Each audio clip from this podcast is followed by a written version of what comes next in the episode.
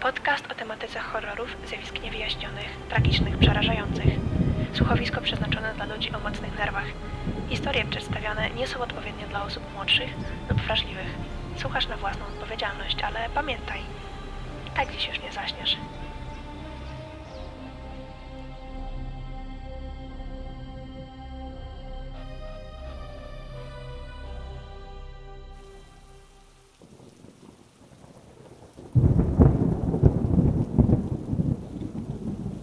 Kashima Rajko przemieszczała się szybkim krokiem. Było zimne, deszczowe popołudnie. Dziewczyna chciała jak najszybciej znaleźć się w domu po okropnym dniu. Kilka tygodni wcześniej przeniosła się wraz z rodziną do miasteczka Hokkaido.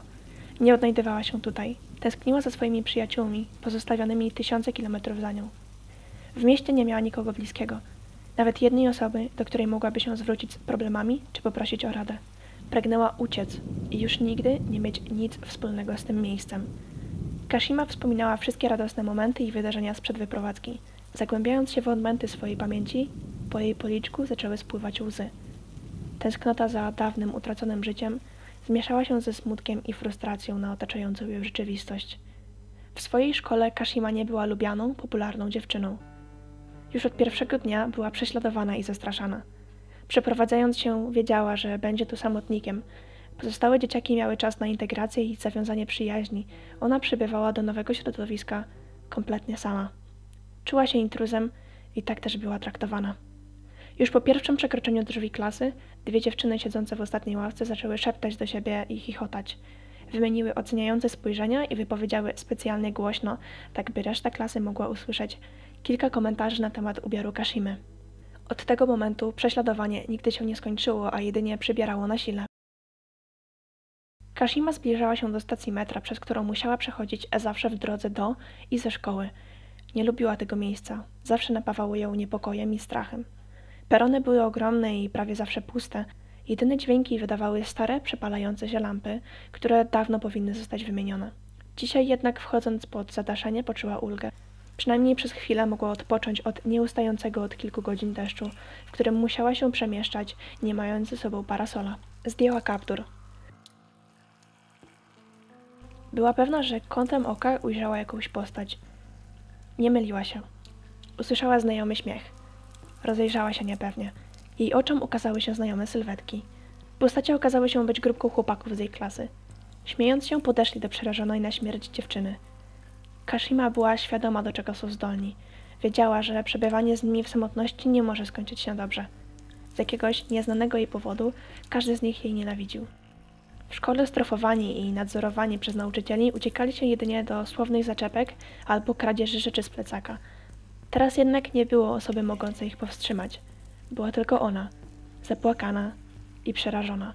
Jeden z chłopaków, przywódca grupy, zaczął wykrzykiwać obraźliwe słowa. Podszedł bliżej. Odwróciła się od niego. Poczuła jednak przeszywający ból na głowie i usłyszała dźwięk tłuczonego szkła. Upadła. Jej głowa zalała się krwią, ale nie straciła przytomności. Jeden z chłopaków zadał jej pytanie. Nie rozumiała, co mówi, była zamroczona, przerażona. Oprawca czekał na odpowiedź. Jej brak rozwścieczył go jeszcze bardziej. Kashima została dotkliwie pobita, jednak to nie wystarczyło. Stację wypełnił dźwięk nadjeżdżającego pociągu. Przywódca grupy roześmiał się.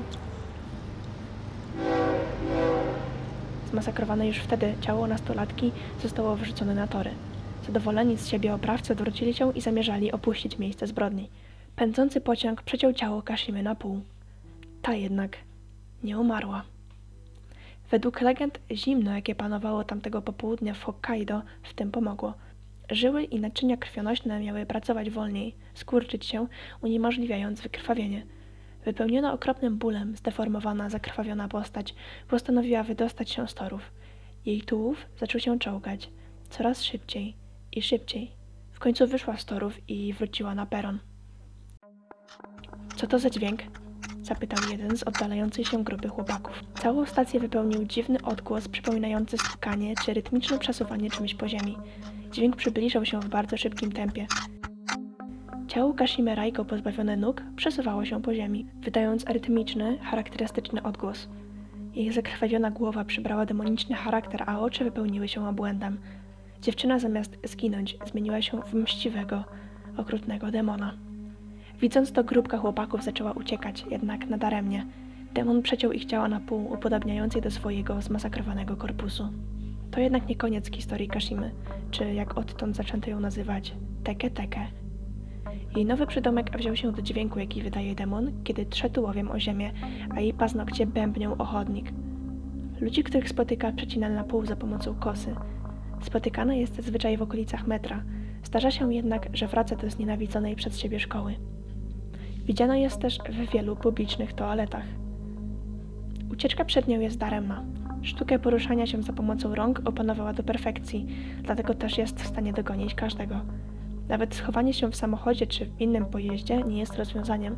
W jednym ze źródeł znalazłam informację, że jest w stanie rozpędzić się nawet do 150 km na godzinę. Co ciekawy, kontakt z demonem nie zawsze musi kończyć się brutalną śmiercią i rozczłonkowaniem ciała ofiary. Kiedy ją spotkasz, zadać ci pytania. Jeśli na nie odpowiesz, nic ci się nie stanie. Gdzie są moje nogi? Na liniach kolejowych metra Meishin. Kto ci o tym powiedział? Kashima Reiko mi powiedziała. Ostatnie pytanie jest pułapką, w którą wpadło wiele osób. Jak mam na imię? Odpowiedź Kashima wpędzi cię do grobu. Musisz powiedzieć zamaskowany martwy demon, co jest bezpośrednim tłumaczeniem jej imienia sprzed wypadku, aby ujść z życiem. A, no i jest jeszcze jeden malutki szczegół. Każdy, kto dowie się o tej historii, zostanie odwiedzony przez Teke w przeciągu miesiąca.